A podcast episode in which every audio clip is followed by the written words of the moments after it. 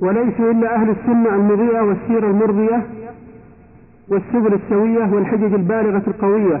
وقد وفقهم الله جل جلاله لاتباع كتابه ووحيه وخطابه واتباع أقرب أوليائه والاقتداء برسوله صلى الله عليه وسلم في أخباره التي أمر فيها أمته بالمعروف من القول والعمل وزجرهم فيها عن المنكر منهما. وأعانهم على التمسك بسيرته والاهتداء بملازمة سنته وجعلهم من أتباع أقرب أوليائه وأكرمهم وأعزهم عليه وشرح صدورهم لمحبته ومحبة أئمة شريعته وعلماء أمته ومن أحب قوما فهو معهم يوم القيامة بحكم قول رسول الله صلى الله عليه وسلم المرء مع من أحب نعم كما في الصحيحين وغيرهما وهذه واضحة المعنى ما سبق واضح المعنى بوصف أهل الحديث وحملة آثاره رحمه الله ورضي عنه. نعم. وإحدى علامات أهل السنة حبهم لأئمة السنة وعلمائها وأنصارها وأوليائها وبغضهم لأئمة البدع الذين يدعون إلى النار ويدلون أصحابهم على دار البوار. وقد زين الله سبحانه قلوب أهل السنة ونورها بحب علماء السن السنة فضلا منه جل جلاله. نعم وهنا سيذكر علامات أو بعض علامات أهل السنة والجماعة. وهي حبهم للأئمة والعلماء والمحدثين وأهل الآثار. نعم. أخبرنا الحاكم أبو عبد الله الحافظ أسكنه الله وإيانا الجنة. حدثنا محمد بن إبراهيم بن الفضل المزكي أو المزكى. حدثنا أحمد بن سلمة قال قرأ علينا أبو رجاء قتيبة بن سعيد كتاب الإيمان له فكان في آخره فإذا رأيت الرجل يحب سفيان الثوري ومالك بن أنس والأوزاعي وشعبة وابن مبارك وأبا الأحوص وشريكا ووكيعا ويحيى بن سعيد وعبد الرحمن بن مهدي فاعلم أنه صاحب سنة. قال أحمد بن سلمة رحمه الله فألحقت بخطي تحته ويحيى بن يحيى وأحمد بن حنبل وإسحاق بن, ابن إبراهيم بن راهويه فلما انتهينا إلى هذا الموضع نظر إلينا أهل نيسابور وقال هؤلاء القوم يبغضون يحيى بن يحيى. فقلنا يا أبا رجاء ما يحيى بن يحيى؟ قال رجل صالح إمام المسلمين. وإسحاق بن إبراهيم إمام وأحمد بن حنبل عندي أكبر من أكبر أكبر من سميتهم كلهم. وأنا ألحقت بهؤلاء الذين ذكر قتيبة رحمه الله. طيب لحظة. وقال هؤلاء قبله بسطرين وقال هؤلاء القوم يعني الحديث إيش اللي قرأتهم؟ يبغضون لا. قال هؤلاء القوم يتعصبون ليحيى بن يحيى. فقلنا له يا أبا رجاء ما يحيى بن يحيى؟ نعم. الصحيح يتعصبون ليحيى بن يحيى ما يبغضون نعم. وأنا ألحقت بهؤلاء الذين ذكر قتيبة رحمه الله أن من أحبهم فهو صاحب سنة من أئمة أهل الحديث الذين بهم يقتدون وبهديهم يهتدون ومن جملتهم وشيعتهم أنفسهم أنفسهم يعدون وفي أتباعهم وفي اتباعهم آثار آثارهم يجدون جماعة آخرين منهم محمد بن إدريس الشافعي وسعيد بن جبير والزهري والشعبي والتيمي ومن بعدهم كالليث بن سعد المصري والأوزاعي والثوري وسفيان بن عيينة الهلالي وحماد بن سلمة وحماد بن زيد ويونس بن عبيد وأيوب السختياني وابن عون ونظراءهم ومن بعدهم مثل يزيد بن هارون الواسطي وعبد الرزاق بن همام الصنعاني وجرير بن عبد الحميد الضبي ومن بعدهم مثل محمد بن يحيى الذهلي ومحمد بن إسماعيل البخاري ومسلم بن الحجاج القشيري وأبي داود السجستاني وأبي زرعة الرازي وأبي حاتم الرازي وابنه وابنه محمد بن مسلم بن وارة الرازي ومحمد بن أسلم الطوسي وأبو سعيد عثمان بن سعيد الدارمي السجي والإمام محمد بن إسحاق بن خزيمة النيسابوري الذي كان يدعى إمام الأئمة والمقري كان إمام الأئمة في عصره ووقته ولا المقري ولا عمري. ولا عمري كان إمام الأئمة. ووقته وأبو عي وأبو وأبو يعقوب. وأبي وأبي نعم. نعم. نعم وأبي يعني ونفس أبي يعقوب إسحاق بن إسماعيل البستي نعم. وأبي يعقوب إسحاق بن إسماعيل البستي والحسن بن سفيان الفسوي وجدي من قبل أبي أبي أبو سعيد يحيى بن منصور الزاهد الهروي وأبي حاتم عدي بن حمدويه الصابوني وولديه الظاهر وجدي من قبل أبوي شكلوها. وجدي من قبل أبوي أبي سعيد يحيى بن منصور الزاهد الهروي وعدي بن حمدية الصابوني. وولديه شيخي السنة أبي عبد الله الصابوني وأبي عبد الرحمن الصابوني وغيرهم من أئمة السنة المتمسكين بها ناصرين لها داعين إليها والين عليها. طيب هنا في أول العبارة لما قال وقلت هنا في آخرين منهم محمد بن إدريس الشافعي. منهم محمد بن إدريس وجدتموها وجدتموها فيه عندكم سقط أريد أن أمليه عليكم. منهم محمد بن إدريس الشافعي المطلبي الإمام المقدم والسيد المعظم العظيم المنة على أهل الإسلام والسنة العظيم المنة على أهل الإسلام والسنة الموفق الملقن الملزم المسدد. الموفق الملقن الملزم المسدد. الذي عمل في دين الله وسنة رسوله صلى الله عليه وسلم من النصر لها والذب عنها ما لم يعمله من النصر لها والذب عنها ما لم يعمله ما لم يعمله أحد من علماء عصره. ما لم يعمله أحد من علماء عصره ومن بعده. ومنهم الذين كانوا قبل الشافعي رحمه الله. كسعيد بن جبير والزهري إلى آخره. ومنهم الذين كانوا قبل الشافعي رحمه الله كسعيد بن جبير والزهري والشعبي إلى آخر الكلام. نعم. وهذه الجمل التي التي أثبتها في هذا الجزء كانت معتقد جميعهم. ولم يخالفهم فيها بعضهم بعضا بل أجمعوا عليها كل كلها. ولم يثبت عن أحد منهم بما يضادها بما يضادها. نعم. نعم. واتفقوا مع ذلك على القول بقهر أهل البدع وإذلالهم وإخزائهم وإبعادهم وإقصائهم والتباع والتباعد منهم منهم ومن مصاحبتهم ومعاشرتهم والتقرب إلى الله عز وجل بمجانبتهم ومهاجرتهم. قال الأستاذ الإمام رحمه الله وهو ساق أسماء هؤلاء الأئمة وكثير من العلماء يسوق هذه الأسماء ليبين أن هؤلاء الأئمة كانوا عصرا بعد عصر وجيلا بعد جيل أئمة أهل السنة. وأن محبة هؤلاء الأئمة هو دليل الاستقامة إن شاء الله تعالى وأن بغضهم علامة من علامات أهل البدع. وهذا أيضا دليل على أن أهل السنة والجماعة والحمد لله كثر في كل وقت وليسوا وليسوا قلة كما يزعم البعض. نعم. قال الأستاذ الإمام رحمه الله وأنا بفضل الله عز وجل ومن ومنه متبع لآثارهم مستضيء بأنوارهم. طبعا الإمام قال الأستاذ الإمام هو المؤلف الصابوني.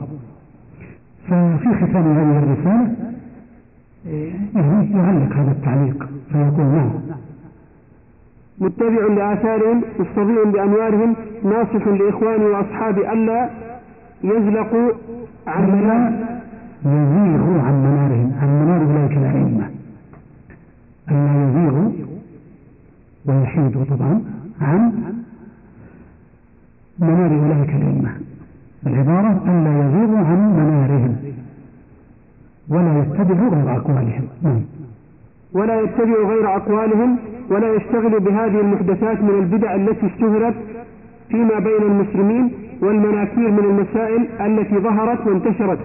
ولو جرت واحدة منها على لسان واحد في عصر أولئك الأئمة لهجروه وبدعوه ولكذبوه وأصابوه بكل سوء ومكروه. ولا يغرن إخواني حفظهم الله كثرة, كثرة أهل البدع ووفور عددهم.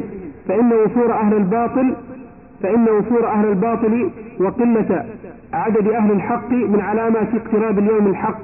إذ الرسول صلى الله عليه وسلم قال إن من علامات الساعة واقترابها أن يقل العلم أن يقل العلم ويكثر الجهل. نعم هذا في البخاري وغيره. نعم.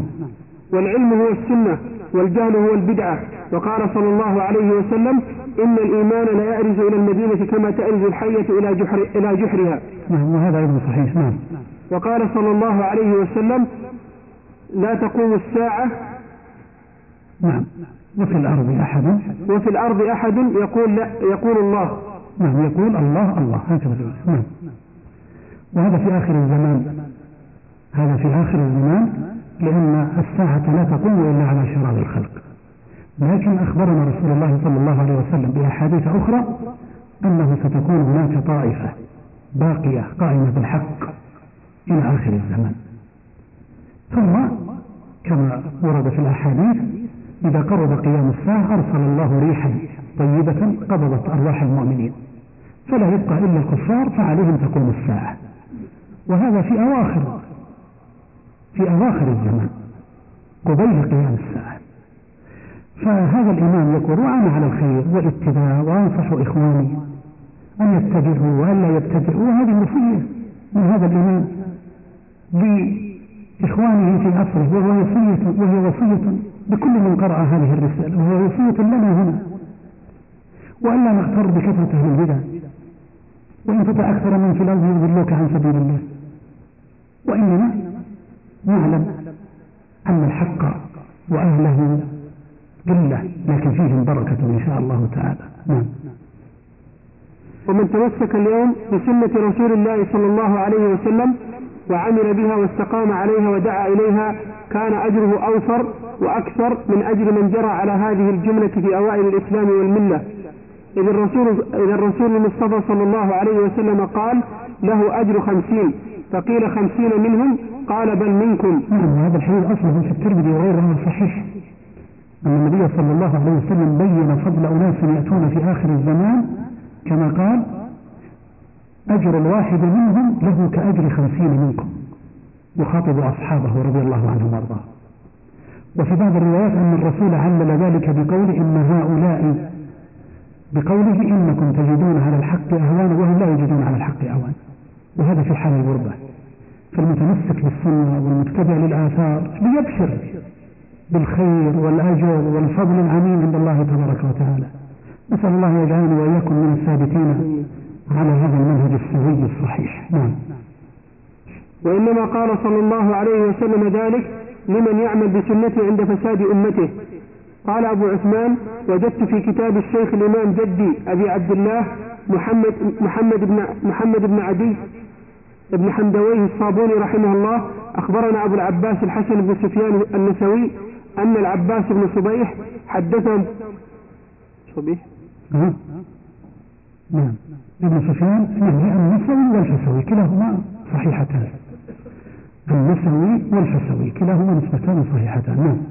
حدثهم قال حدثنا عبد الجبار بن طاهر قال حدثني معمر بن راشد قال سمعت ابن شهاب الزهري يقول تعليم السنة أفضل من عبادة مئة سنة. اللي عندي أنا أفضل من عبادة مئتي سنة. مئة هي مئة. واللي عندي أنا مئتين عندك مئتين ولا مئتين مئتين مئتين سنة. طيب. أخبرنا أبو بكر محمد بن عبد الله ابن محمد بن زكريا الشيباني رحمه الله. لأن تعليم السنة طبعا الشاهد هنا أن الزهري حينما قال هذا لأن تعليم السنة يمتد نفعه إلى الآخرين وقد يمتد إلى ألوف المؤلفة ويكون للمعلم مثل أجورهم من غير أن ينقص من أجور العاملين شيئا. خير من عبادة مئتي سنة لأن العابد لمئتي سنة عبد لنفسه لكن لم يتعدى نفعه إلى غيره. نعم. أخبرنا أبو بكر محمد بن عبد الله بن محمد بن زكريا الشيباني رحمه الله. قال أخبرنا أبو العباس محمد بن عبد الرحمن الدغولي.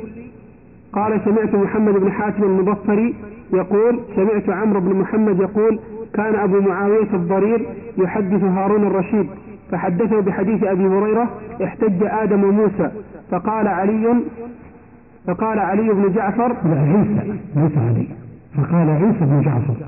نعم. هذا أخو زبيدة زوجة هارون الرشيد وابن عم لهارون الرشيد وكان حاضرا. قال عيسى بن جعفر قال عيسى بن جعفر ابن أبي جعفر المنصور العباس. نعم. قال عيسى بن جعفر كيف هذا وبين آدم وموسى ما بينهما؟ قال فوثب به هارون وقال يحدثك عن الرسول صلى الله عليه وسلم وتعارضه بكيف؟ فما, فما زال يقول حتى سكت عنه. وهذا موقف من هارون الرشيد.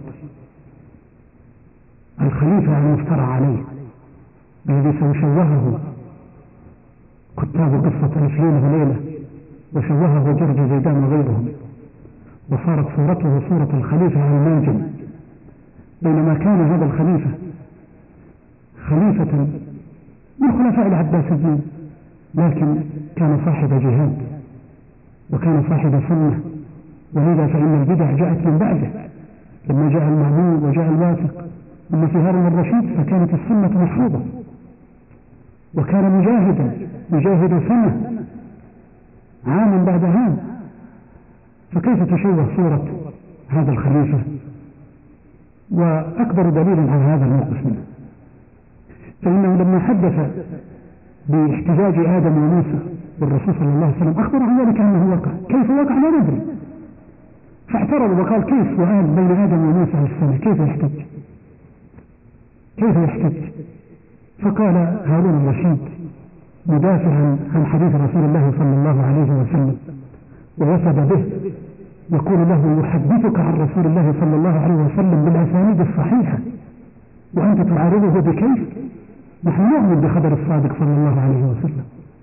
كيف؟ هذا أمر سهل كيف يتم لقاء آدم وموسى؟ المهم أننا نقطع بأنه ما التقى وأنه سأله هذا السؤال. وهذا هو منهج أئمة الحديث. لا يعارضون أقوال النبي صلى الله عليه وسلم بكيف. ولذا تقول بعض الروايات أن هارون الرشيد اشتد عليه. وفي بعضها أنه سجنه حتى حتى تاب إلى الله تبارك وتعالى. مع أنه ابن عمه ومن جلسائه. لكن هكذا يكون تعظيم الحديث حديث رسول الله صلى الله عليه وسلم. نعم. قال هكذا ينبغي للمرء أن يعظم أخبار رسول الله صلى الله عليه وسلم ويقابلها بالقبول والتسليم والتصديق وينكر, وينكر أشد الإنكار على من يسلك فيها غير هذا الطريق الذي سلكه هارون الرشيد رحمه الله مع من اعترض على الخبر الصحيح الذي سمعه بكيف على طريق الإنكار على طريق الإنكار له والابتعاد عنه. لا طريق الإنكار والاستبعاد له. صحيحها على طريق الإنكار والاستبعاد له لأنه يستبعد بقياهما نعم. ولم يتلقه بالقبول كما يجب أن يتلقى جميع جميع ما يرد من الرسول صلى الله عليه وسلم.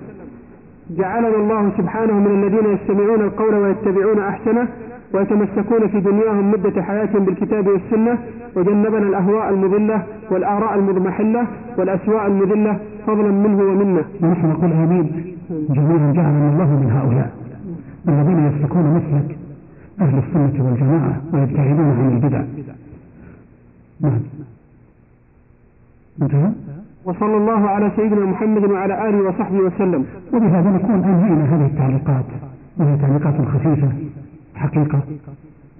أردنا منها لقصر الوقت أن ننهي المنهج والحمد لله على ما وفقنا من إنهائه وليعذرني بعض الإخوة من طلبة العلم فإننا قصدنا بهذا الشرح أو التعليقات. قصدنا أن نتوسط من الإخوان من طلبة العلم ولم نقصد أن نقف عند كل مسألة بحيث نفصل القول فيها ونورد الأدلة والمناقشات. لأن هذا يحتاج إلى وقت أطول. فاكتفينا بهذه التعليقات. أسأل الله أن يرزقني وإياكم الإخلاص وأن لا يحرمني وإياكم الأجر والثواب.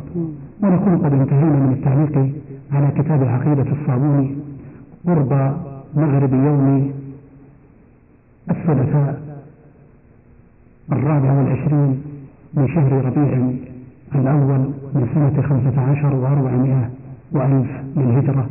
وصلى الله وسلم على نبينا محمد وآله وصحبه أجمعين. وجزاكم الله خيرا.